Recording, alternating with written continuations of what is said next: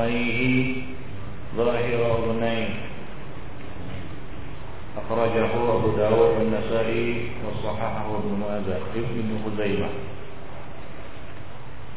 Hadis dari Abdullah bin Amr radhiyallahu anhu dia bercerita tentang kaifiyat wudu Rasulullah.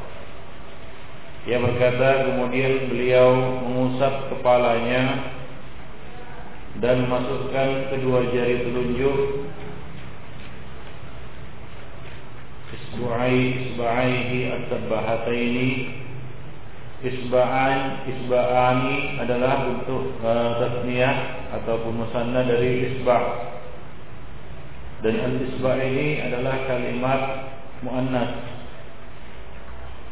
Demikian pula seluruh nama-nama jari ini muannas seperti khinsir ya sababah ibham dan seterusnya dan isba ini ada 10 bacaan. Bisa dibaca isba, bisa bisa dibaca usbu, bisa dibaca isbu, bisa dibaca asbu dan seterusnya. Ada 10 bacaan bagi isba ini. Namun dikatakan di dalam kamus al-misbah bahwa bacaan yang dipilih oleh para fusaha adalah isba. Dan isba adalah ahadu atrafil kaf awil qadam. Jari adalah salah satu ujung dari pergelangan tangan ataupun pergelangan kaki. Ujungnya dinamakan isba, untuk jamaknya asabi. Yang dimaksud di sini adalah atraf al-kaf yaitu ujung telapak ujung telapak tangan.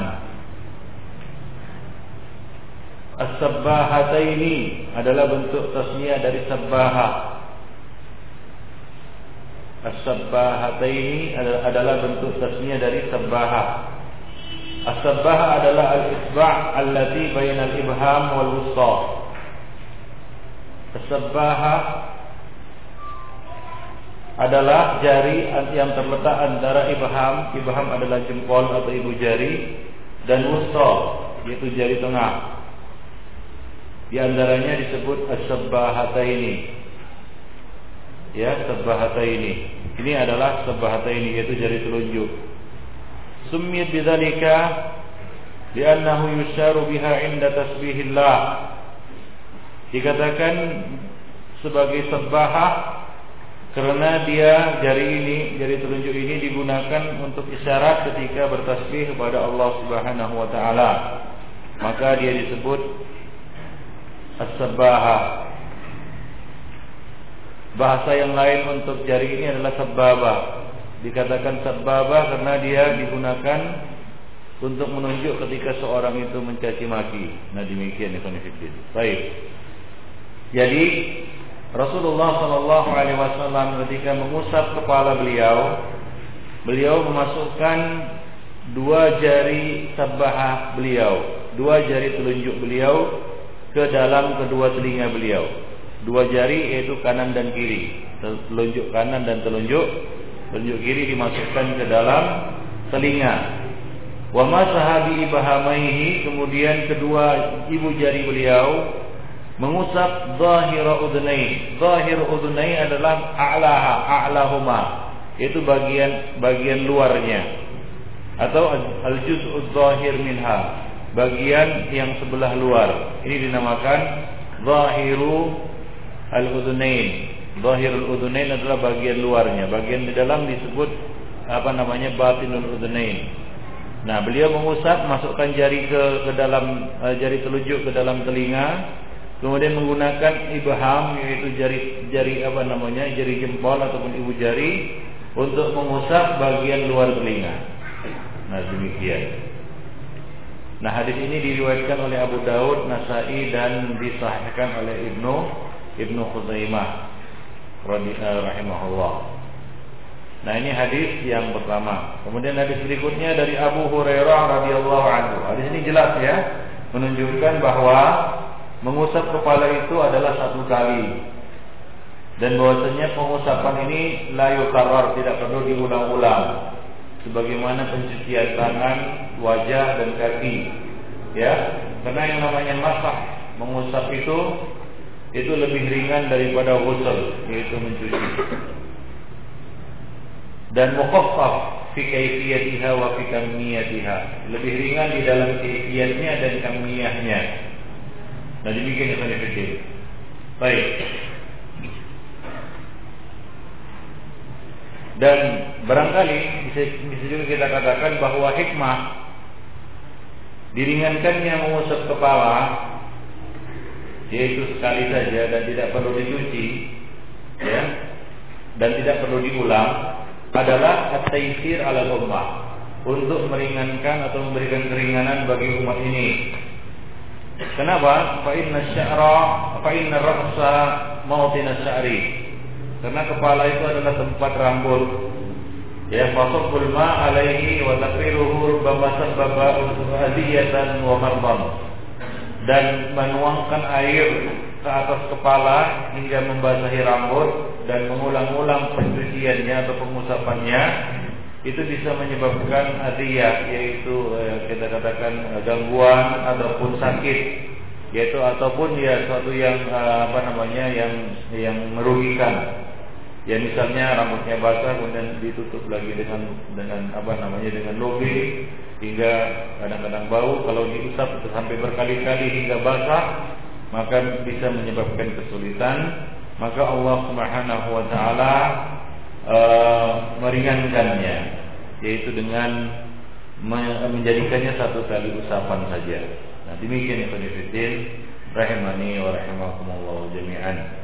Ya jadi di dalam mengusap kepala ini kemarin kita sudah membahas ada hadis Abdullah bin Zaid ya yang menunjukkan bahwa sifatul masah ini adalah memulai dari bagian depan kepala ya kemudian menyapu kepala sampai ke ke tengkuk kemudian mengembalikannya lagi ke tempat se semula. Nah, ini ditambahkan ya di samping itu juga masih dalam satu kali basuhan itu masih sekali jalan ya disertai dengan memasukkan jari telunjuk ke dalam telinga kemudian mengusap bagian luar telinga dengan uh, ibu jari ataupun jempol. Nah, demikian ya Fanifidin. Azani wa jami'an. Jadi kedua riwayat ini bisa kita satukan dalam satu proses pengusapan kepala. Nah demikian, yaitu sekali jalan. Mengusap bagian depan sampai ke belakang. yaitu sampai ke tengkuk, kemudian mengembalikannya lagi ke depan, kemudian mengusap bagian luar uh, telinga dengan apa?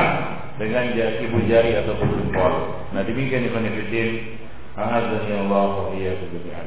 Ibnu Qayyim mengatakan di dalam Zadul Ma'ad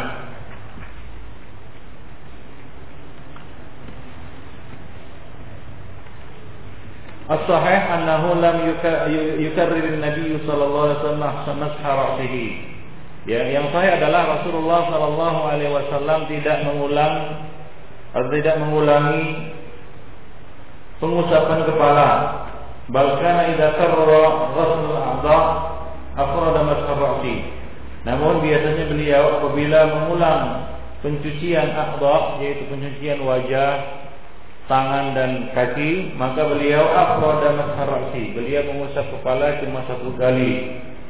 Walam yasih fi anhu khilafahu al-batah. Dan tidak ada riwayat yang menyelisih hal ini sama sekali. Namun sebenarnya di sana ada riwayat lain ya dari Rasulullah Shallallahu Alaihi Wasallam juga bahwa beliau mengusap kepala sampai tiga kali, ya mengusap kepala sampai tiga tiga kali. Namun itu jarang beliau lakukan, itu jarang beliau amalkan, tapi bisa dan boleh. Demikian Ibnu Para ulama mengatakan, "Waman la sya'ra lahu aw halaqa ra'sahu Fala yastahib balahur rab. Ada sebagian ulama mengatakan bagi orang yang tidak punya rambut atau mencukur gundul kepalanya, maka tidak dianjurkan baginya untuk mengembalikan basuhan ke depan. Jadi cukup ke belakang kata mereka. Lianna la faidata fihi. Karena menurut mereka ini tidak ada faedahnya dia mengembalikan ke depan kalau rambutnya gundul. Kadzalika la yastahabbu liman lahu sya'run katsir madfur. Demikian pula tidak dianjurkan untuk mengembalikannya ke depan bagi orang yang punya rambut yang sangat panjang atau tebal, ya, dan diikat dipotong lagi. Fayakunu kharaja makhrajal ghalib. Nah, jadi menurut ulama ini, menurut sebagian ulama ini, orang yang rambutnya panjang dan tebal lalu ditocang atau orang yang rambutnya gundul atau kepalanya gundul ya botak licin maka mereka tidak perlu mengembalikannya ke depan. Ini menurut mereka karena menurut mereka itu tidak ada faedah dia mengembalikannya ke depan. Adapun rambutnya yang rambutnya panjang maka itu e, e, dan tidak ada faedah. Namun dapat kita katakan di sini bahwa ini adalah perkara ta'abudi, ini adalah ibadah. Ya, jadi dilakukan seperti yang dianjurkan dan dituntunkan oleh Rasulullah Shallallahu Alaihi Wasallam dan tidak menyelisihinya. Ya. Terlepas apakah dia punya rambut atau tidak. Demikian Fiddin. Azani Allah wa jami'an. Baik. Nah, kemudian Fiddin mengenai mashul udunain ya, yaitu mengusap telinga yang tidak disebutkan di dalam ayat sebenarnya mansus alaihi fil ayatil karimah. Ya sudah ter, ter apa namanya ter, ter, termaktub atau ataupun termasuk di dalam firman Allah Subhanahu wa taala wamsahu biruusikum ya karena Nabi sallallahu alaihi wasallam mengatakan al udunani mina minar ra's ya al udunani minar ra's yang artinya dua telinga itu adalah bagian dari kepala ya dan hadis ini adalah hadis yang sahih ya hadis itu adalah hadis yang yang sahih. Nah, dibikin Fiddin jami'an. Baik. Khilaful ulama di dalam masalah ini. Para ulama sepakat ini kesepakatan dulu ya. Para ulama sepakat ala anna masarrasi min furudil wudu. Bahwa mengusap kepala ini termasuk kewajiban wudu. Ya termasuk salah satu kewajiban wudu. Ala anna al-masyru' mas'ahu jami'ahu. Dan yang disyariatkan adalah membasuh seluruhnya. Itu seluruh bagian kepala. Waqtalafu fi wujubi masli kullihi. Nah di dalam hal ini mereka berselisih pendapat apakah wajib juga membasuh ataupun mengusap seluruh bagian kepala. Ya mengusap seluruh kepala. Apakah wajib Abu Hanifah dan Al-Imam Syafi'i berpendapat ila jawazi masli ba'dihi bahwa boleh mengusap sebagiannya saja. dalil mereka atau alasan mereka mereka mengatakan li'annahu sallallahu alaihi wasallam tawaddaa wa masaha ala nasiyatihi ya alasan mereka bahwasanya Nabi pernah berwudu dan beliau hanya mengusap bagian depan kepala saja itu bagian apa dahi jidat nah ini pendapat mereka. Tapi riwayat itu tidak ada ya. Riwayat itu tidak ada. Riwayat yang seperti ini. Wa dhahaba al-Imam Malik wa al-Imam Ahmad ila wujubi masihi kullihi. Adapun Imam Malik dan Imam Ahmad berpendapat wajib mengusap seluruh bagian kepala. Sebagaimana yang telah diriwayatkan secara sahih dari perbuatan Rasulullah Shallallahu Alaihi Wasallam ya seperti yang telah kita bacakan pada hadis-hadis terdahulu. Syekhul Islam Ibnu Taimiyah mengatakan lam yunqal an ahadin annahu iktasara ala mashi ba'd ra'si tidak ada dinukil dari seorang pun bahwasanya Nabi Shallallahu Alaihi Wasallam pernah hanya mengusap sebahagian kepala saja, seperti yang kita isyaratkan tadi, bahwa hadis itu tidak sahih dan tidak ada riwayat yang bunyinya seperti itu yang menyebutkan bahwa Nabi hanya mengusap sebagian kepala atau bagian depan kepala saja atau beberapa helai rambut saja ya seperti ya itu merupakan mazhab ataupun pendapat Abu Hanifah dan Al Imam Asy-Syafi'i. Ibnu Qayyim al-Jauziyah berkata, "Lam yasih anhu hadisun wahidun." Tidak ada satupun hadis yang sahih ya dari seorang pun annahu iktasara ala mashi ba'd ra'si al-battah bahwa Nabi sallallahu alaihi wasallam hanya mengusap sebagian kepala saja Sementara Allah Subhanahu wa taala telah berfirman di dalam kitabnya dalam surah Al-Maidah ayat 6, "Wamsahu biruusikum" dan usaplah kepala-kepala kamu. Kepala itu mencakup seluruhnya.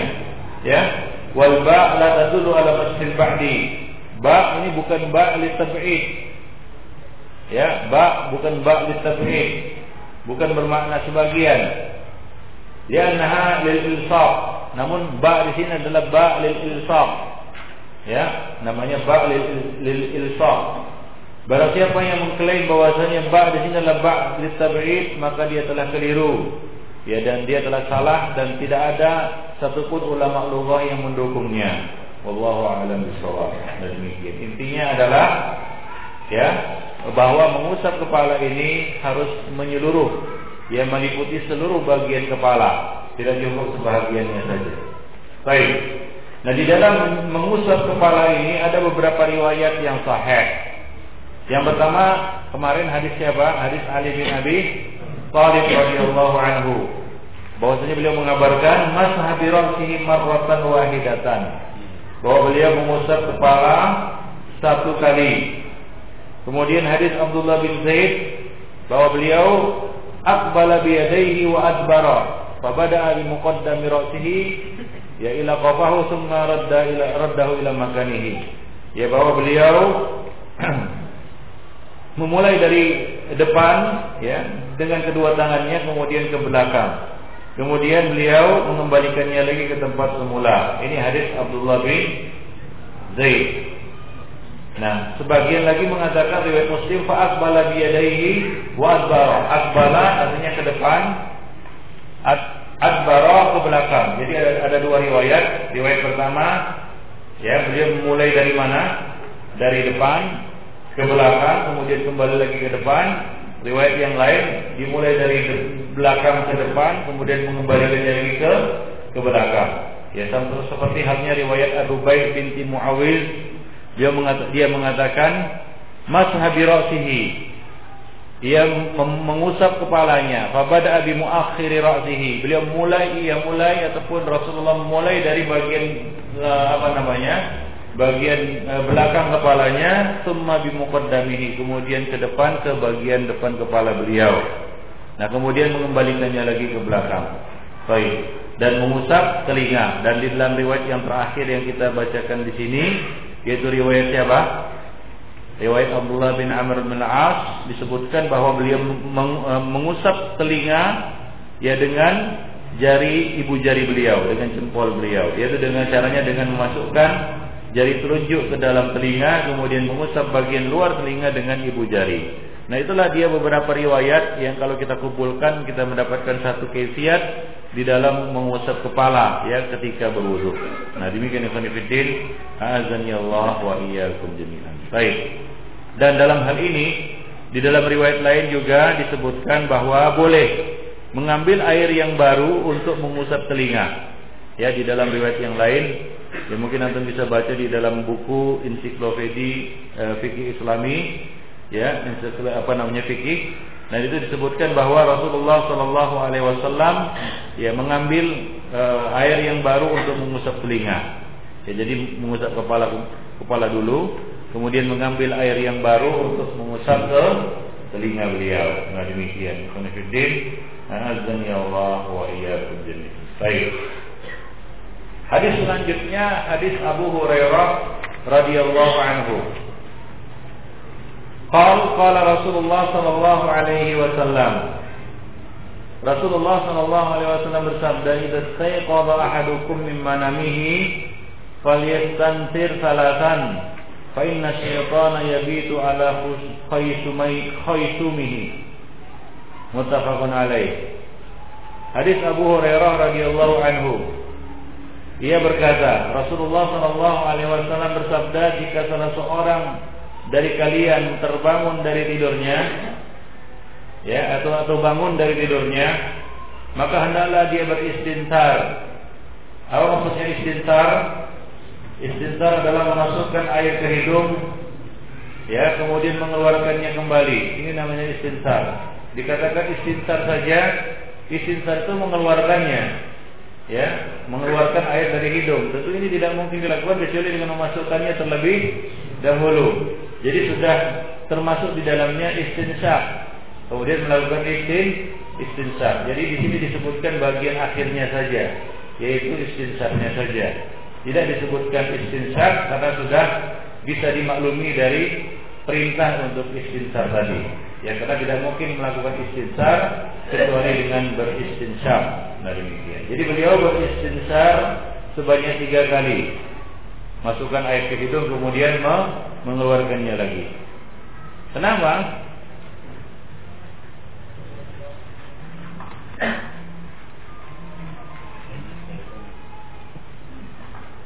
Fa'inna syaitan yabitu ala khaisumihi. Karena syaitan bermalam, yabitu artinya bermalam.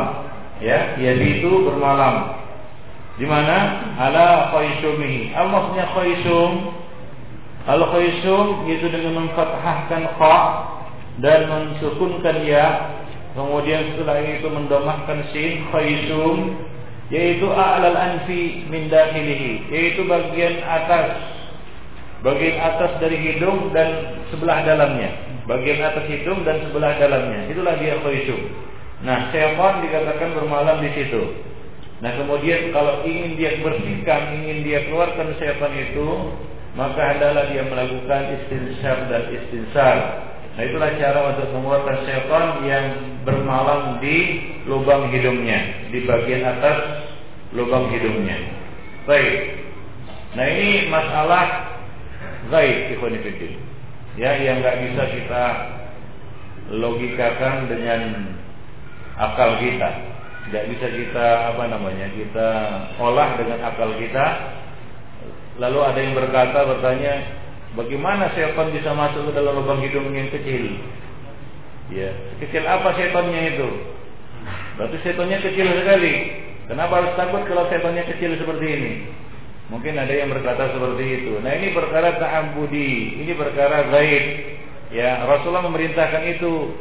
Dan ini perkara yang tidak bisa kita olah dengan akal pikiran. Bukankah Nabi Shallallahu Alaihi Wasallam mengatakan Inna syaitana yajri fi bani Adam majrad dam.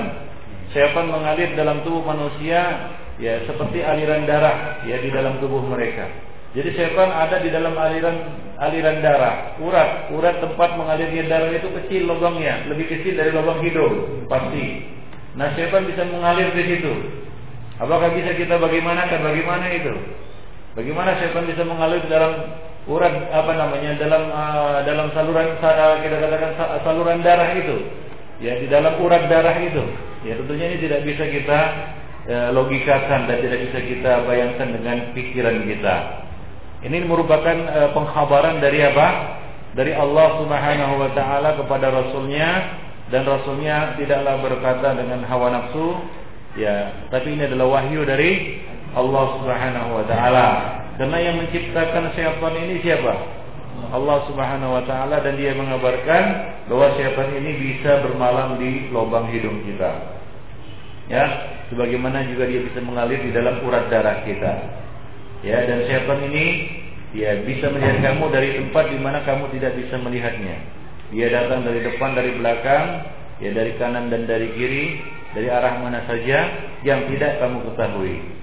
Dan bahan penciptaannya juga berbeda dengan bahan penciptaan manusia. Manusia diciptakan dari apa? Dari tanah. Unsur tanah adalah unsur dasar penciptaan manusia. Setan dari apa? Dari api. Unsur dasarnya adalah api. Jadi dia bisa masuk ke mana-mana. Dia bisa menjelma. Manusia tidak bisa menjelma. Ya dalam bentuk yang lain. Setan bisa. Setan bisa menjelma dalam bentuk anjing hitam.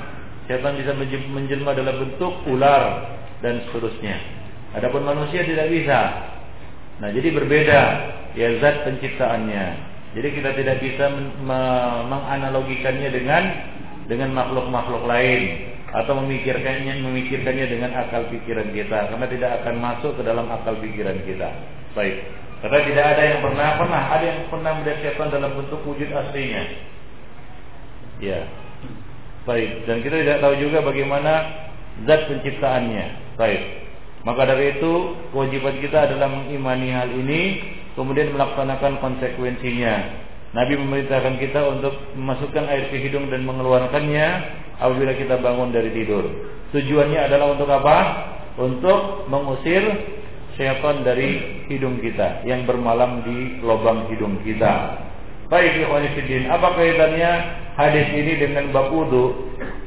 Yaitu perintah untuk istinsar. Ya bahwasanya istinsar termasuk salah satu bagian dari apa? dari wudhu. Ya sebelum ber, berwudhu kita diperintahkan untuk melakukan istin istinsyar konfidin. Nah, kemudian para ulama berbeda pendapat. Apakah ini berlaku juga untuk orang yang tidur siang hari sebagaimana zahirnya hadis ini berlaku untuk orang yang tidur pada malam hari. Nah, dalam hal ini eh, para ulama mengatakan bahwa ini berlaku umum. Ya, bahwa ini berlaku juga untuk orang-orang yang tidur pada siang hari uh, siang hari. Nah, demikian. Walaupun sebagian ulama mengatakan bahwa ini khusus pada malam hari. Ini khusus pada malam malam hari. Baik. Diriwayatkan dari Imam Ahmad demikian. Ya, jadi ada yang mengatakan anna dzalika khasun binaumil laili dunan nahar. Ada yang mengatakan bahwa hal ini khusus untuk tidur malam hari bukan tidur siang hari. Ya sebagaimana hadis perintah untuk mencuci kedua tangan. Ya apabila seorang bangun tidur dari apabila seorang bangun dari tidurnya pada malam hari. Ya, nah demikian. Jadi mereka menyamakan hal itu. Sebagian mengatakan tidak bisa disamakan ya bahwa mencuci tangan itu karena seorang tidak tahu di mana apa namanya tangannya bermalam. Baik. Tapi kalau kita lihat akhirnya ini berlaku untuk ya tidur pada malam hari karena Rasul mengatakan fa inna syaitana yabitu al al, al yabit al bait itu adalah tidur pada malam malam hari. Faidulah tidur pada siang siang hari. Wallahu taala alam bisawab. Nah demikian. Baik, jadi untuk baiknya antum silakan juga mengamalkan ini ya untuk tidur siang, bangun dari tidur ya ber, apa namanya beristinsar dan beristinsar sebanyak tiga kali. Wallahu a'lam Baik. Jadi kaitannya dengan bab wudu adalah perintah untuk istinsar, istinsar dan istinsar sebelum melakukan wudu, ya. Dan juga ada hadis lain man, man tawatu afal yastantir. Barang siapa yang berwudu hendaklah dia beristinsar. Ya, nah itu menunjukkan bahwa perintah al-istinsar adalah sesuatu yang diperintahkan oleh Nabi Shallallahu Alaihi Wasallam sebelum berwudu dan hukumnya sama seperti hukum yang lainnya yaitu wajib. Wallahu a'lam. Baik. Kemudian hadis Abu Hurairah radhiyallahu anhu qala qala Rasulullah sallallahu alaihi wasallam idza istayqadha ahadukum min nawmihi fala yaghmis yadahu fil ina'i hatta yaghsilaha thalathan fa innahu la yadri aina batat yaduhu Nabi mengatakan apabila salah seorang dari kalian bangun pada dari tidurnya istaiqadha ay tanabbaha min naumihi bangun dari tidurnya terjaga dari tidurnya fala yaghmis ay la yudkhil yadahu fil ma Janganlah dia memasukkan tangannya ke dalam air. Al-ghamas adalah ayyatibal yad yad al-yadu fil ma yaitu menghilangkan tangan ke dalam air atau mencelupkan tangan ke dalam air yang ada di dalam ina.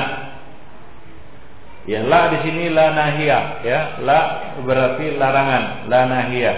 Fala yaghmis. Di dalam riwayat Bukhari disebutkan la yaghmisanna.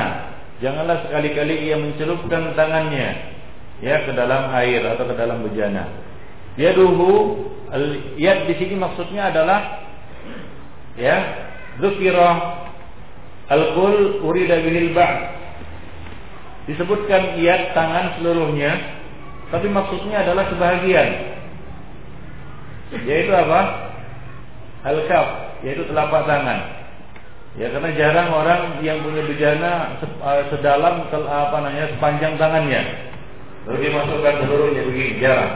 Tapi yang biasanya dimasukkan ke dalam bejana adalah telapak telapak tangan. Jadi yang dimaksud di sini adalah al ba'dul yad, ba'dul yadi. Sebagian dari tangan. Yaitu apa? Al-kaf.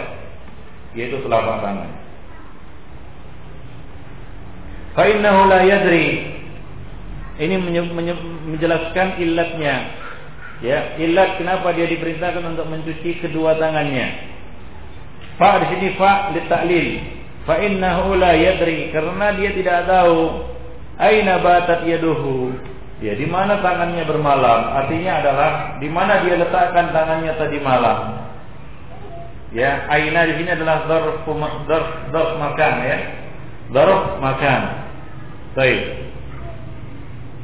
Eh batat artinya bermalam ya atau e, letak atau posisi tangannya pada tadi malam atau pada malam hari. Jadi di sini ada kemungkinan tangannya itu menyentuh sesuatu yang najis menyentuh sesuatu yang kotor.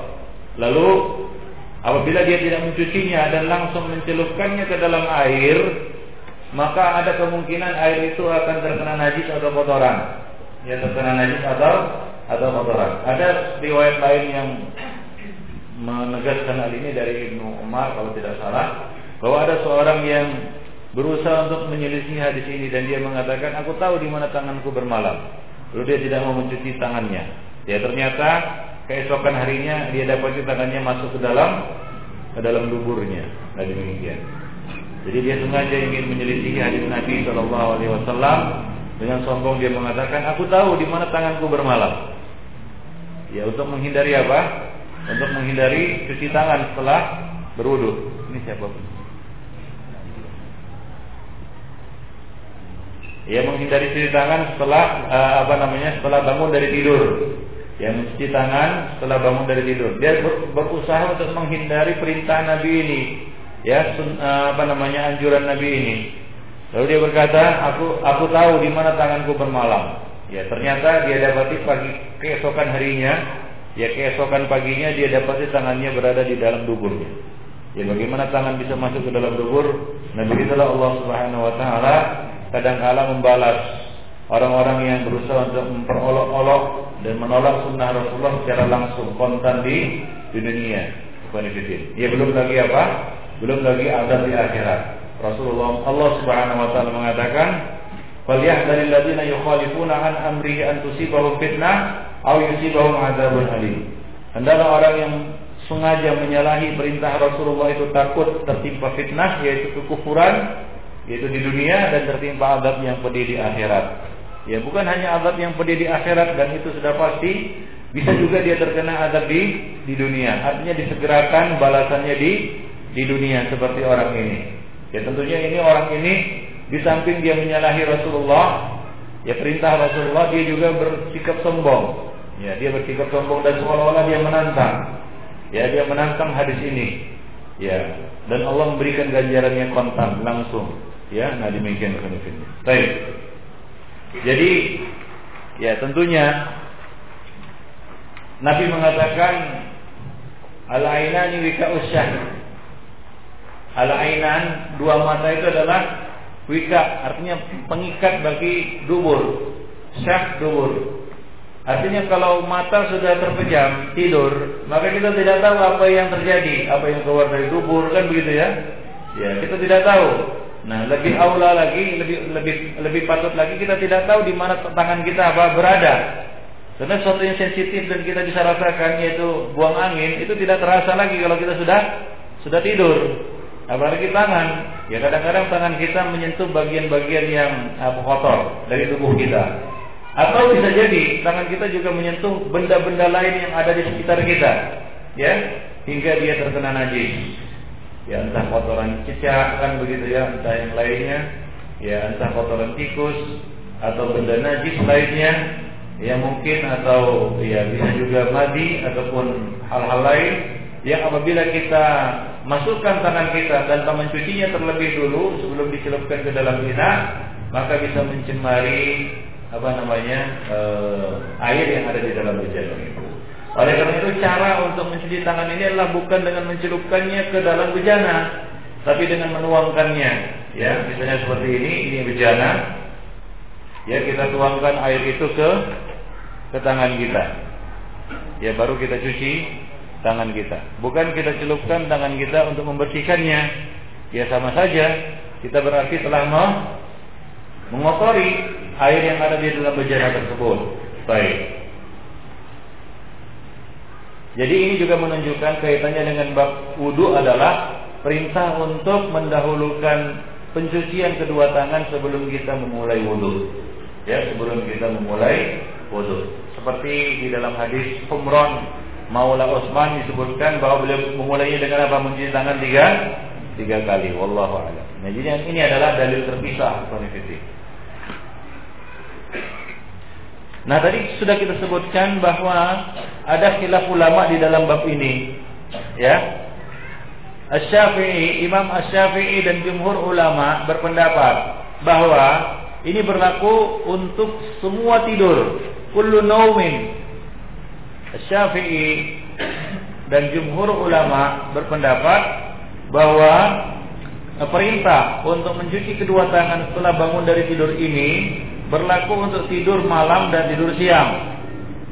Jadi disyariatkan mencuci tangan ya, mencuci kedua tangan setelah tidur malam maupun tidur siang. Berdasarkan keumuman sabda Rasulullah sallallahu alaihi wasallam min naumihi dari tidurnya.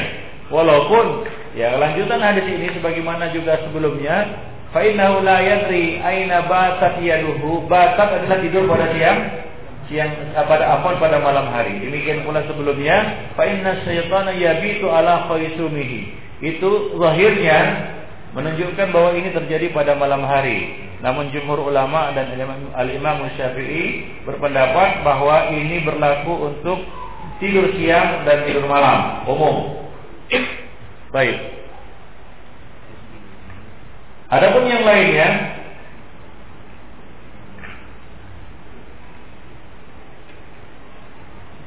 Ya di antaranya Imam Ahmad Tadi sudah kita sebutkan Imam Ahmad mengatakan apa? Ini berlaku untuk tidur malam. Khasun binaumil lail dunan nahar. Adapun yang masyhur dari mazhab Imam Ahmad adalah fa innahu la athara li naumin nahar. Kalau tidak ada asar, tidak ada perintah ya, tidak ada anjuran untuk mencucinya ya e, ketika bangun dari tidur siang. Wa inna wujubul ghusli khasun bin naumil laili bahwa kewajiban mencuci tangan ini khusus untuk tidur tidur malam, tidak untuk tidur siang. E, berdasarkan sabda Nabi, fa inna ahadakum la yadri aina batat yaduhu. Ya, diambil dari kata batat. Bata adalah hal yang terjadi pada malam hari. Baik. Demikian. Nah, kemudian para ulama juga berbeda pendapat tentang hukumnya. Apakah ini wajib atau mustahab? Jumhur mengatakan mustahab. Ya. Jumhur mengatakan hukumnya mustahab, sebagian mengatakan ini wajib. Ya, seperti Syaukani, Ibnu Hazm dan lain-lain mengatakan ini wajib. Dan kita contoh kepada perintah ini atau kepada pendapat ini bahwa perintah di dalam hadis ini kandungannya adalah wajib.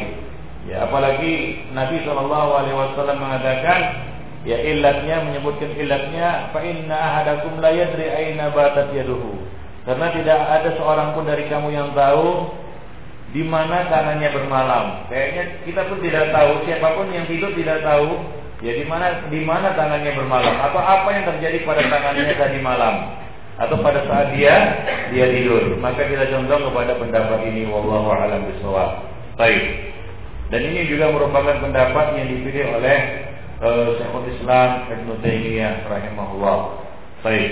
Jadi ini adalah perkara e, ta'abudi yang tidak boleh ditakwil dengan apa? Dengan logika.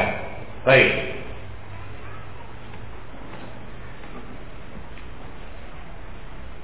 Nah kemudian para ulama menjelaskan apakah ini ada kaitannya dengan wudhu?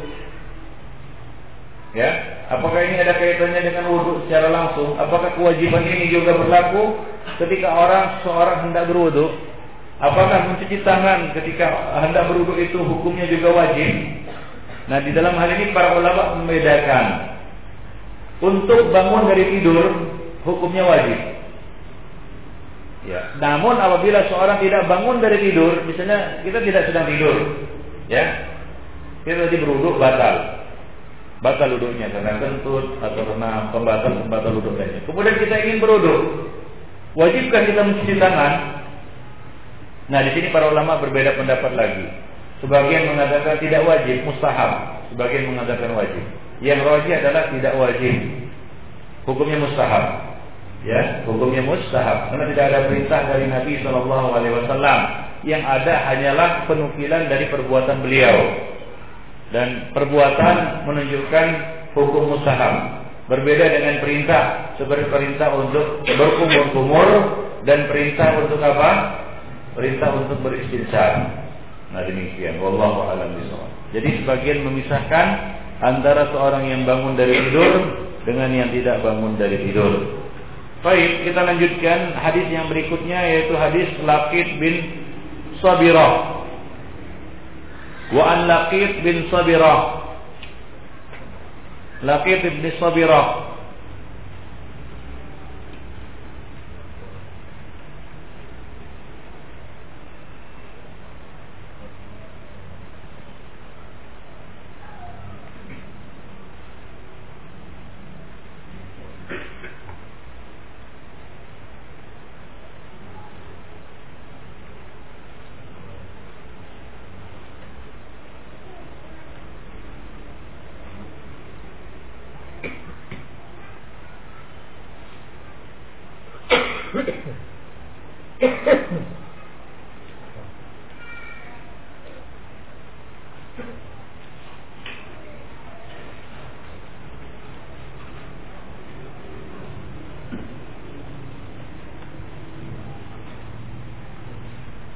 Qala Qala Rasulullah sallallahu alaihi wasallam Rasulullah sallallahu alaihi wasallam bersabda Asbighil wudu wa khallil bainal asabi' wa baligh fil istinshaq illa an takuna sha'iman Wali Abi akhrajahu al-arba'ah wa sahhahu Ibnu Khuzaimah Wali Abi Dawud di riwayatin idza tawadda'ta famatmit. Hadis Lakid bin Sabirah. Di sini hadis ini mengandung tiga perkara. Yang pertama adalah perintah untuk isbagul wudu. Asbir itu adalah kata perintah dari asbagha. Asbir. Al-isbagh artinya ittisa wal itmam. Al-isbab maknanya adalah ittisa dan itmam, menyempurnakan dan memperluas. Asbiril wudu di sini maksudnya adalah perintah untuk menyempurnakan wudu, yaitu waqfi kulli 'adwin haqqahu fil ghusli. Yaitu sempurnakanlah pembasuhan, ya, pembasuhan dan pencucian setiap anggota-anggota wudu. ya dengan apa? Dengan sempurna. Yaitu mencuci wajah dengan sempurna, yaitu semua bagian dicuci dengan sem sempurna. Itu maksud dari asbir atau isbah, ay itmam dan istiqmalil a'dha bil ghusli yang menyempurnakan seluruh anggota wudhu di dalam pencuciannya. Nah demikian yang Ibn Nah itu perintah yang pertama. Perintah yang kedua adalah wa khalil bain wa khallil bainal asabi' wa khallil bainal asabi'. Khallil adalah artinya menyela-nyelai. Sakhlilul asabi' yaitu tafriq bainahuma. Tafriq artinya merenggangkan. Kemudian isalatul ma' bainaha ya melewatkan ataupun me menyiramkan air di antara keduanya. Ya, lalu menyela-nyelainya dengan uh, jari jemari. Nah, ini dinamakan tahlil, itu tahlil asabi. Nah, asabi yang dimaksud di sini itu umum. Nabi mengatakan khalil bainal asabi. Al asabi al di sini lama apa? Lil istiqra untuk menyeliputi semua al-asabi baik jari tangan maupun jari jari kaki. Jadi al-murad asabi'ul yadain war rijlain. Yang dimaksud di sini adalah jari tangan dan juga jari jari kaki. Berdasarkan hadis Ibnu Abbas radhiyallahu anhuma Beliau mengatakan idza tawadda'ta faqallil asabi ayadaika wa rijlaika. Hadis riwayat Ahmad dan At-Tirmizi. Jadi di dalam riwayat lain disebutkan bahwasanya yang dimaksud dengan asabi di sinilah umum meliputi asab asabi yad wa asabi rijlain. Ya, jari tangan dan jari jari kaki. Nabi mengatakan jika kamu berwudu maka sela-selailah jari-jari tanganmu dan jari-jari kakimu. Jadi jari-jari kaki juga harus disela-selai. Baik. Kemudian ini perintah yang kedua. Kemudian perintah yang ketiga adalah wabalir ay abdil al-ibdil al-juhda wa taqsi. Yaitu balik sungguh-sungguhlah ya serius al-juhd al-juhdu artinya serius istiqsa artinya menuntaskan tuntaslah. Maksudnya Wabalik fi fil istinsar atau fil istinsar dan sungguh-sungguhlah di dalam istinsar yaitu di, e, di dalam isalul ma ila aqsal anfi. Di dalam memasukkan air ke dalam ke dalam hidung sungguh-sungguh. Ya sungguh-sungguhlah di dalam masukkan air ke dalam hidung. Jadi bukan apa namanya e, pura e, ecek-ecek kata orang sini pura-pura ataupun e, setengah-setengah. Tapi hendaklah apa namanya total ataupun bersungguh-sungguh. Ya, nah demikian. Baik, tuntas di dalam memasukkannya. Hanya saja ini dikecualikan hukumnya ya illa ini adalah istisna pengecualian hukum ya untuk untuk apa? Untuk yang ketiga ya, bukan untuk seluruhnya. Untuk khusus untuk yang ketiga. Yaitu eh, perintah untuk apa? Untuk memasukkan sungguh-sungguh air ke dalam hidung. Ya, dikecualikan untuk hukum ini illa antakuna iman. Kecuali engkau dalam kondisi ber berpuasa atau sedang berpuasa, maka tidak diperintahkan di situ untuk memasukkannya secara sungguh-sungguh. Nah, demikian. Baik. Nah, kemudian hadis berikutnya Ada uh, dalam riwayat lain dari Abu Daud uh, dikatakan di sini wali Abi Daud fi riwayatin dalam riwayat lain dari Abu Daud ya disebutkan dengan lafaz idza tawadda'ta famatmit. Jika kamu berwudu maka berkumur-kumurlah. Jika kamu berwudu maka berkumur-kumurlah. Ini adalah perintah. Matmit adalah fi'il amr dari apa matmadha. Yumatmidu matmit. Nah demikian. Itu adalah fi'il amr wajib. Nah, hadis ini menunjukkan atau riwayat ini menunjukkan bahwa ya makmadah memasukkan air ke dalam mulut dan menggoncang-goncangkannya, menggerak-gerakannya. Nah, itulah dia definisi dari makmadah, yaitu memasukkan air ke dalam mulut dan menggerak-gerakannya adalah wajib endal wudu. Nah, di sini para ulama juga berbeda pendapat ya, tapi rojihnya ya, pendapat yang rojih adalah Matmadah ini hukumnya wajib di dalam wudhu. Baik. Nah, itulah dia hadis Laqid bin Sabirah. Hadis selanjutnya yang Fiddin dari Utsman bin Affan radhiyallahu anhu uh, radhiyallahu anhu qala ia berkata Inna Nabiy sallallahu alaihi wasallam kana yukhallilu lihyatahu fil wudu. Hadis ini dikatakan hadis yang apa? Baik ya. Tapi ini sahih. Hadis ini sahih. Diriwayatkan dari Utsman bin Affan bahwa Nabi Shallallahu Alaihi Wasallam menyela-nyelai jenggotnya dengan air ketika berwudu. Karena yukhallilu lihyatahu fil wudu. Tahlil al-lihya. Ya, tentunya ini berlaku bagi orang yang punya punya apa? Punya jenggot. Kalau yang enggak punya jenggot, menyela-nyelai dagu gini. Tidak. Ini khusus bagi orang yang punya jenggot. Dan dalam ini tidak ada menyela-nyelai kumis ya.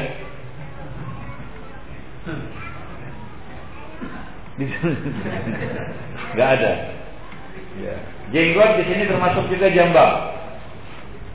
Apa? Lehyah di sini, pengertian lehyah Alhamdulillah azani Allah wa jami'an mencakup juga jambang. Al-lehyah adalah sya'run ya sya'rul aridaini wa yang disebut lehyah itu di dalam bahasa Arab adalah sya'rul aridaini wa yaitu bulu yang tumbuh pada dua arid. Yaitu di dua apa? Arid. Aridain. Ini namanya aridain ya. Ini namanya aridain ya. Kemudian dakan di dagu ataupun di apa namanya dagu ini. Baik Nah itulah yang disebut dengan apa? Dengan lihya. Jadi perintah untuk apa namanya memelihara lihya adalah memelihara ini seluruhnya. Nah yang di sela-sela itu adalah jambang berikut jenggot yang di bawahnya. Nah kalau kita tebal ya tebal di sini juga ada maka juga di di sela-sela yang pada yang uh, bulu yang ada pada pada kedua sisi wajah ini. Nah karena itu juga termasuk bagian dari jenggot. Tayyib Khonifuddin rahimani wa rahimakumullah jami'an. Jadi ya dari hadis ini dapat diambil beberapa kesimpulan. Yang pertama adalah masyru'iyatu tahlilil lihyah fil wudu. Pensyariatan menyela-nyelai jenggot di dalam wudu. Bagaimana caranya? Yaitu tafri tafriquha, yaitu dengan me, apa namanya? mengacak-ngacaknya. Ya artinya men, apa namanya? Me, Eh, memisah-misahkannya seperti ini. Wa isalatul ma'i fiha dan mengalirkan air ke dalam ke sela-selanya. Ya liyadkhul liyadkhul ma'al wudu fihi agar air wudu masuk ke dalamnya. Ya fi apa namanya khilal syari di antara sela-sela bulu ini. Di sela-sela janggut. Ya wa yasilu ilal bisra dan sampai juga ke mana? Ke ke kulit. Sampai ke mana ke ke kulit.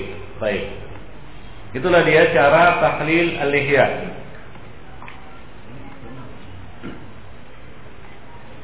Kemudian asy'arul ladzi fi fil wajhi kisman. Bulu yang tumbuh di wajah ini ada dua macam. Ada yang tebal dan ada yang ada yang tipis.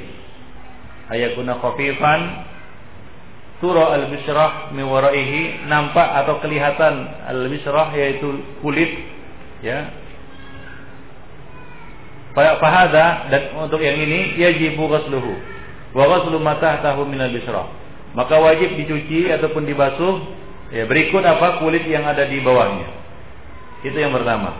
Yang khafif yang yang apa namanya? Yang tidak tebal. Yang tipis Wasani ayakuna kasifan. Yang kedua, bulu yang tumbuh di wajah ini tebal. Tebal dia. Wadzalika bi alla tura al bisrah mi waraihi. Itu tidak nampak kulit ya karena terhalang apa tertutup jenggot yang tebal itu, bulu yang tebal itu.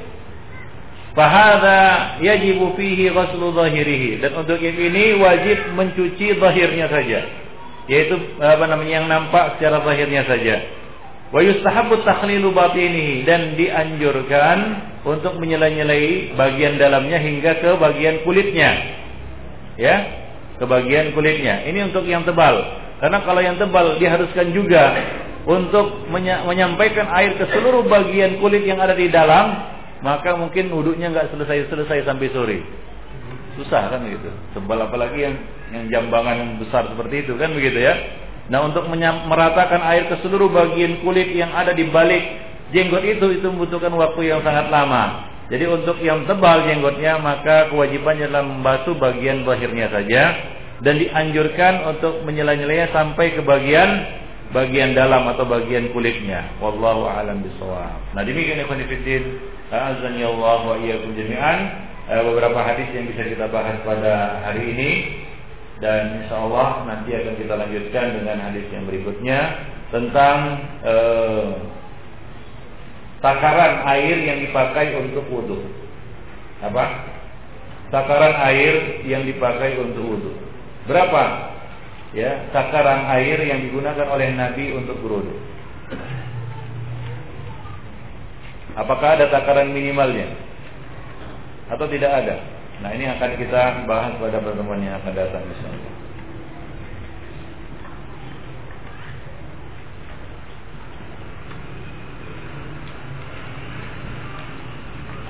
Baik, Sanifidin, eh, bagi yang ingin bertanya silakan berkaitan dengan masalah ini.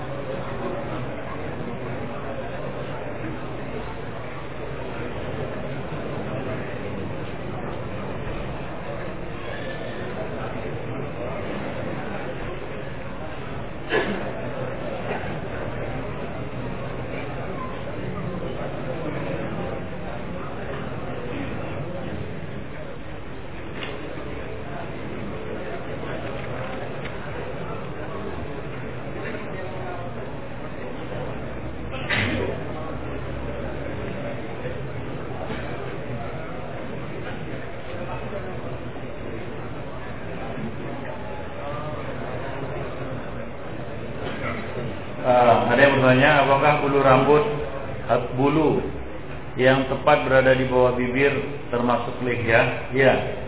Itu termasuk lihya. Termasuk jenggot.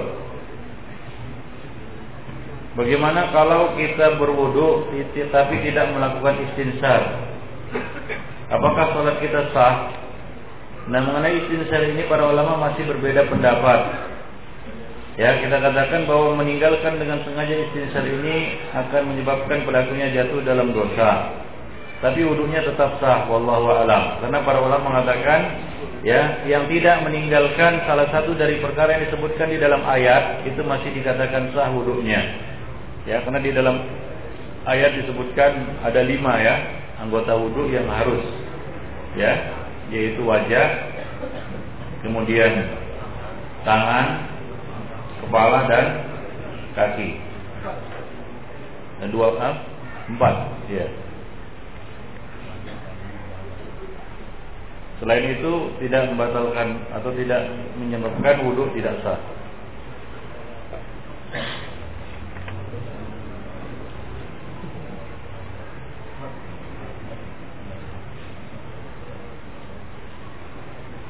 Apabila kita terburu-buru masbuk ingin ikut sholat berjamaah, bolehkah berwudu hanya dengan membasuh wajah, lengan, sampai dengan siku, mengusap kepala, membasuh kaki, sebagaimana dalam surah Al-Maidah tadi sudah kita katakan ini mencukupi, ya, walaupun tidak dikatakan dia isbab al-wudu.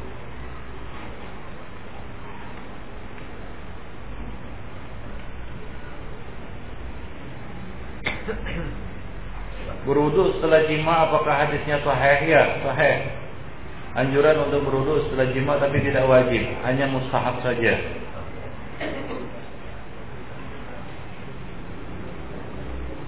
Hadisnya sahih. Hukumnya mustahab.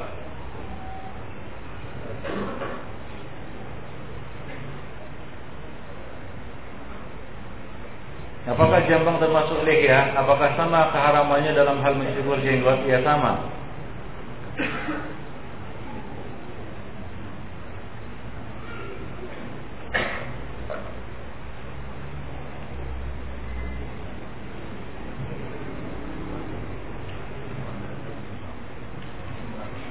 Ana meminta nasihat belakang belakangan ini fitnah teroris makin hangat dibicarakan di masyarakat sehingga terjadi saling mencurigai antara umat khusus yang berpenampilan sama seperti mereka.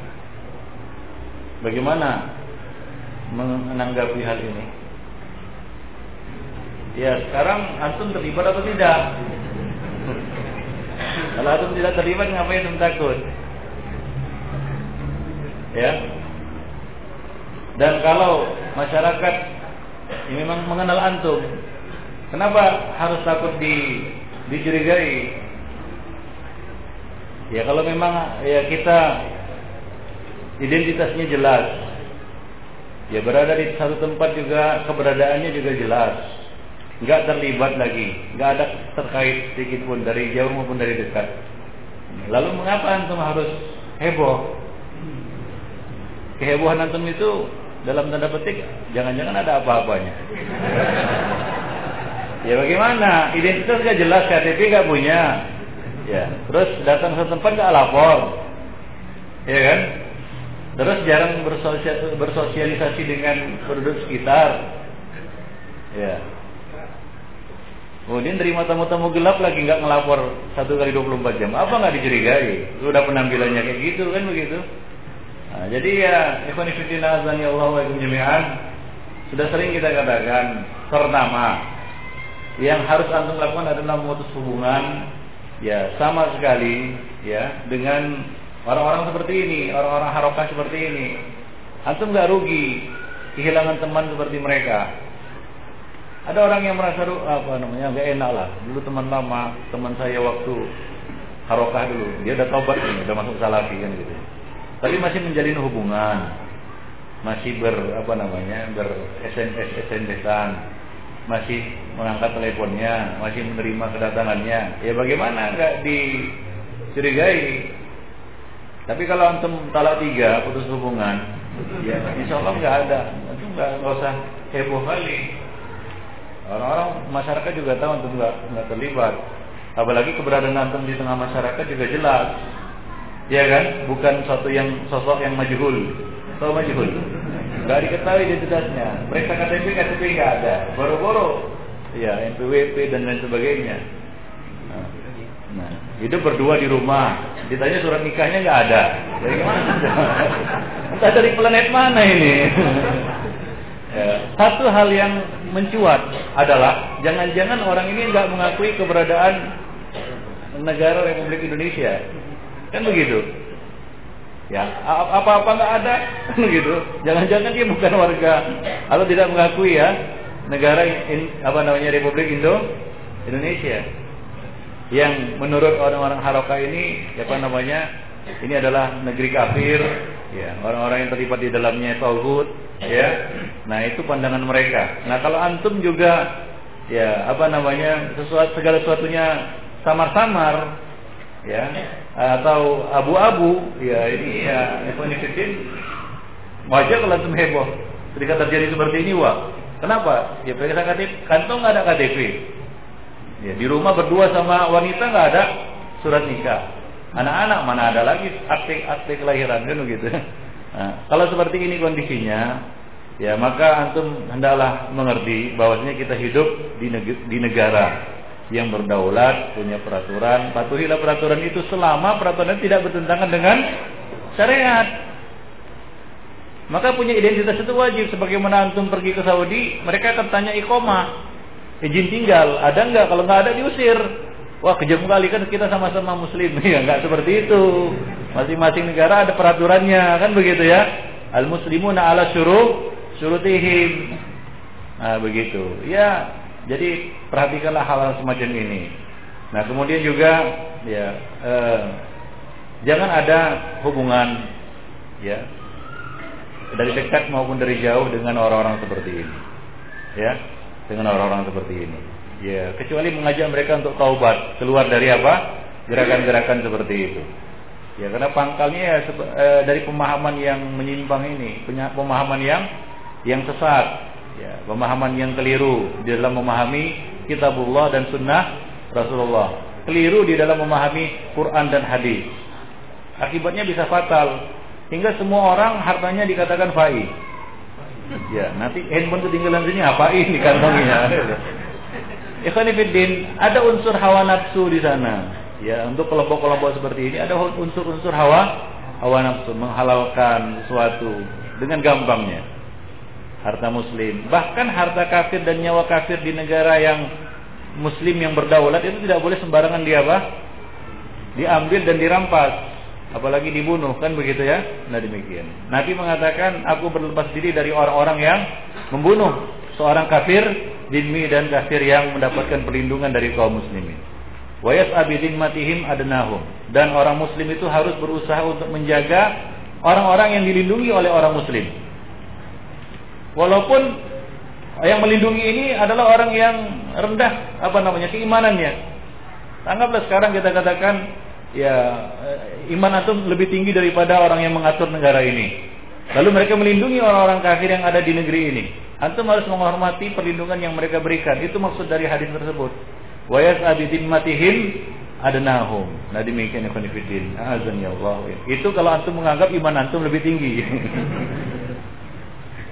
Ikhwan fillah azan ya Allah wa iyyakum jami'an. Jadi enggak perlu antum heboh. Dan mengenai penyimpangan mereka dan kesesatan mereka itu sudah sering kali kita sampaikan di sini kan begitu ya. Menyimpangnya gerakan-gerakan harokah-harokah seperti itu. Yang baik yang terlibat langsung maupun yang tidak terlibat langsung. Karena di sana banyak kelompok-kelompok yang tidak terlibat langsung, tapi secara pemikiran terlibat dia. Ini harus dia hati-hati kita. Maka dari itu kita kayaknya perlu ngaji manhaj lagi. gitu ya. Supaya kokoh manhaj salafnya ya. Dan insya Allah kita akan membuat kajian khusus tentang manhaj ya. Nanti ada ada selebarannya. Kita karena ini memang e, manhaj ini kalau tidak diasah dan tidak dikaji ulang nanti akan lupa ya. Dan kadang-kadang di sana perasaan juga turut bermain untuk menggiring kita kepada satu kelompok yang sesat. Ya karena mungkin ya eh, masa kan gitu, masa seperti ini dikatakan sesat, masa mereka sudah berjuang begini dikatakan menyimpang dan seterusnya. Kadang-kadang perasaan bermain. Hingga ya kita katakan nilai-nilai ilmiah, ya dalil-dalil syar'i, kaedah-kaedah syariah itu kadang-kadang dipinggirkan karena mengikuti perasaan ini. Wah, sama mereka sama kita. Kan gitu. Kadang-kadang muncul kata-kata seperti itu. Mereka mau taubat juga nah kadang-kadang kita tertipu dengan apa? Dengan zahir dari kelompok ini. Ya seolah-olah sekarang sudah pakai-pakai istilah salaf. Tapi ya aktivitasnya kegiatannya masih seperti itu. Nah, kadang-kadang kita tertipu dengan uh, trik-trik mereka atau dengan apa namanya tipu daya mereka. Maka di sini perlu kita pelajari sekali lagi atau kita ulang lagi kita kaji kembali tentang apa namanya bagaimana manhaj ya ahlu sunnah wal jamaah terhadap ahli bidah. Khususnya ya pada masa sekarang ini khawarij ya yang menonjol kan begitu ya di samping ya kelompok-kelompok sufi yang bertebaran ya yang muncul bertebaran di mana-mana seperti jamur di musim musim hujan ya perlu anda mengetahui baik khawarij maupun sufi sama-sama subur tumbuh di negeri ini seperti jamur di musim hujan. Nah, dakwah salaf mau, mau, mau muncul banyak kali rumput ilalang yang menghalanginya. Jadi perlu dibersihkan ini, kan gitu ya. Rawat dipupuk ini supaya apa? Supaya tumbuh dia subur. Nah demikian itu nih.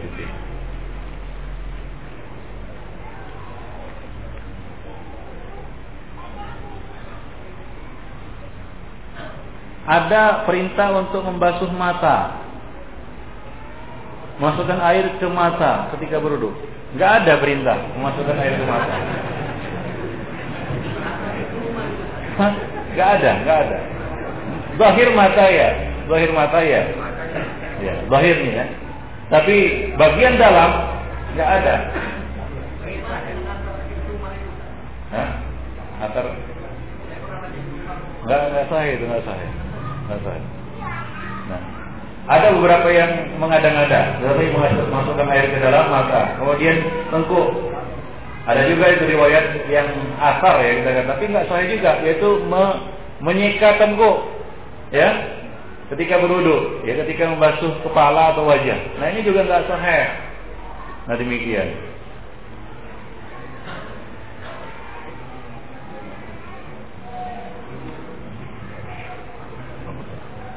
Bagaimana pelaksanaan wudhu untuk orang sakit yang terbakar kulitnya? Ya, fattakullah mastata'tum. Yang bisa dibasuh dibasuh, yang nggak bisa ya sudah. Ya, la yukallifullahu nafsan illa aha. Selama sebahagian dari anggota wudhunya masih bisa disentuh oleh air. Tapi kalau sudah sekujur tubuhnya nggak bisa lagi, ya tayamum juga nggak bisa, ya ya oh, ma'zur dia ada u putus Allah Hah? Iya. Kalau luka bakar sekujur tubuh gimana? Dia mau tayamumnya nggak bisa kan itu. Semua kan ada seperti itu. Baik. Apakah kotoran anak termasuk najis? Eh, apanya? Anak atau cicak? Apakah kotoran cicak termasuk najis? Tidak najis Islamifidin ya. Rajinya tidak najis. Ya.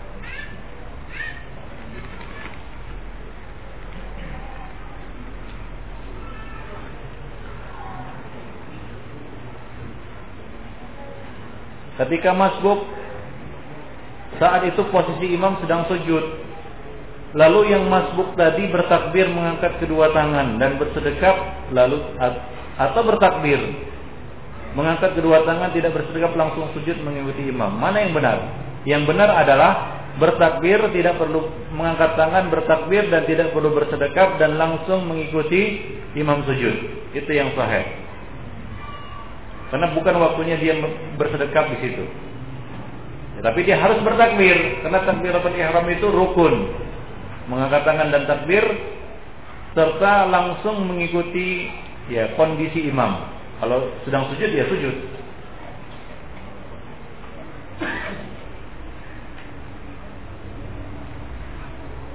Ada orang masbuk, lalu saat itu posisi imam duduk tasyahud akhir. Lalu orang yang masbuk apakah duduk iftiros atau ikut imam duduk tasyahud akhir? Allah alam ini iftiros. Ya. Ya, menurut Imam Syafi'i dia iftiros karena ya beliau beralasan karena orang ini akan melanjutkan untuk rakaat yang tertinggal. Nah, baik. Dan lebih memudahkan baginya untuk bangkit ya apabila dia berduduk if iftiros. Karena Nabi duduk tasyahud uh, tawarruk itu pada tasyahud akhir yang pada sholat terdapat tasyahud awalnya. Pada sholat yang terdapat tasyahud awalnya. Apakah tidur merupakan syarat untuk melakukan sholat tahajud? Bukan syarat. Ya, bukan syarat. Bukan syarat harus tidur dulu baru bangun kemudian sholat tahajud. Kalau dia tidak tidur langsung sholat juga tidak mengapa. Ya tidak syarat. Walaupun ya kita katakan anjurannya ya, sunnahnya menurut apa namanya menurut sunnah Rasulullah Shallallahu Alaihi Wasallam seorang itu dianjurkan untuk segera tidur agar dia bisa bangun pada malam malam hari. Nah juga ada keutamaan keutamaan di mana apabila dia bangun dari tidur dia membaca doa kan begitu ya beberapa bacaan yang dibacanya pada malam apabila dia terjaga pada malam hari. Ya nah demikian. Itu seperti baca surat Ali Imran ya.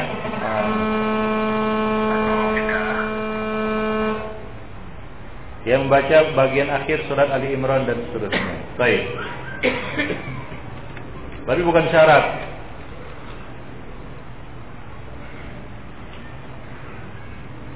Apakah tertidur sekejap eh, apakah tertidur sekejap pada waktu khutbah Jumat juga membatalkan wudhu? Tidur lama maupun sebentar apabila kita sudah dikatakan tidur maka itu membatalkan wudhu.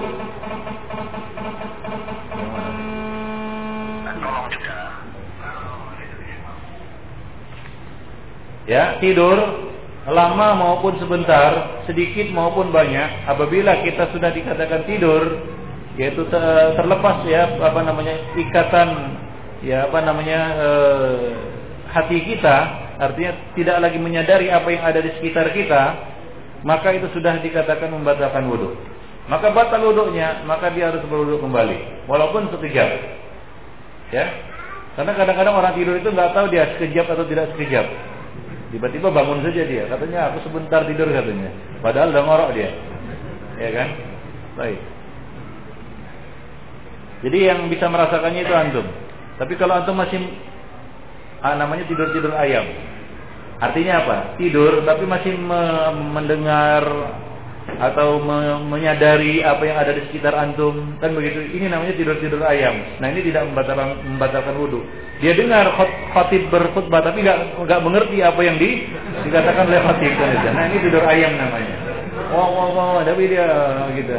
Dia masih bisa me, apa menangkap suara. Ya? Dia masih bisa menangkap suara mencium bau. Kalau ada orang kentut bangun dia Tapi kalau yang tidur beneran, antum tentu bau-baunya di sampingnya nggak bangun dia kan gitu. Santai aja dia. nah demikian ikhwan itu beda tidur yang beneran dengan tidur tidur ayam. Wallahu alam bisawab. Nah demikian ikhwan pertemuan kita pada hari ini mudah-mudahan ada manfaatnya. Aku lupa lihat wa astaghfirullah li wa lakum muslimin innahu huwal ghafurur rahim.